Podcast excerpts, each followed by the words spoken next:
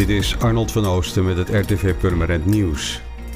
De politie heeft na een inval van het arrestatieteam in een woning in Purmerend 4,8 miljoen euro in contanten gevonden. De inval vond plaats op 23 september en gebeurde in het kader van een onderzoek naar het witwassen van cocaïnegelden.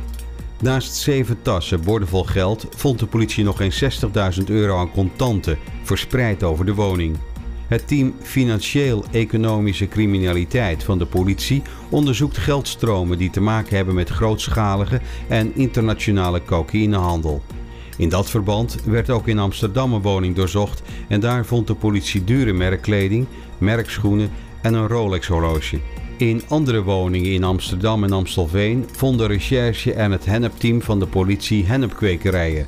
De kwekerijen zijn ontruimd en het geld en andere goederen, waaronder vijf dure auto's, zijn in beslag genomen. In totaal zijn negen mensen aangehouden, waarvan drie in de woning in Purmerend.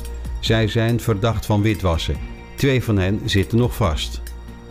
Burgemeester Bijl heeft in het maandelijkse interview met RTV Purmerend laten weten dat de intocht van Sinterklaas niet doorgaat. De nieuwe coronamaatregelen gooien roet in het eten. Zondag 15 november zou Sinterklaas een bustoer van 31 kilometer gaan maken door Purmerend. De burgemeester heeft gisteren in overleg met de voorzitter van de stichting Markstad het besluit genomen om de intocht niet door te laten gaan. Purmerend was nog een van de weinige gemeenten met een alternatieve intocht. Bijl is bezorgd dat veel mensen van buiten Purmerend deze kant op zouden komen. Ook zouden mensen met een kort lontje voor problemen kunnen zorgen.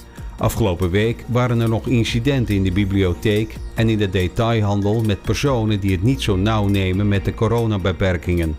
Sinterklaas zal uiteraard wel in Purmerend langskomen.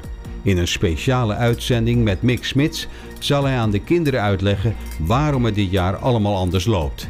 Het exacte moment van deze uitzending volgt nog. De karakteristieke kastanjeboom op de kaasmarkt is ter ziele. De boom heeft de kastanjebloedingsziekte niet overleefd en moest worden gerooid.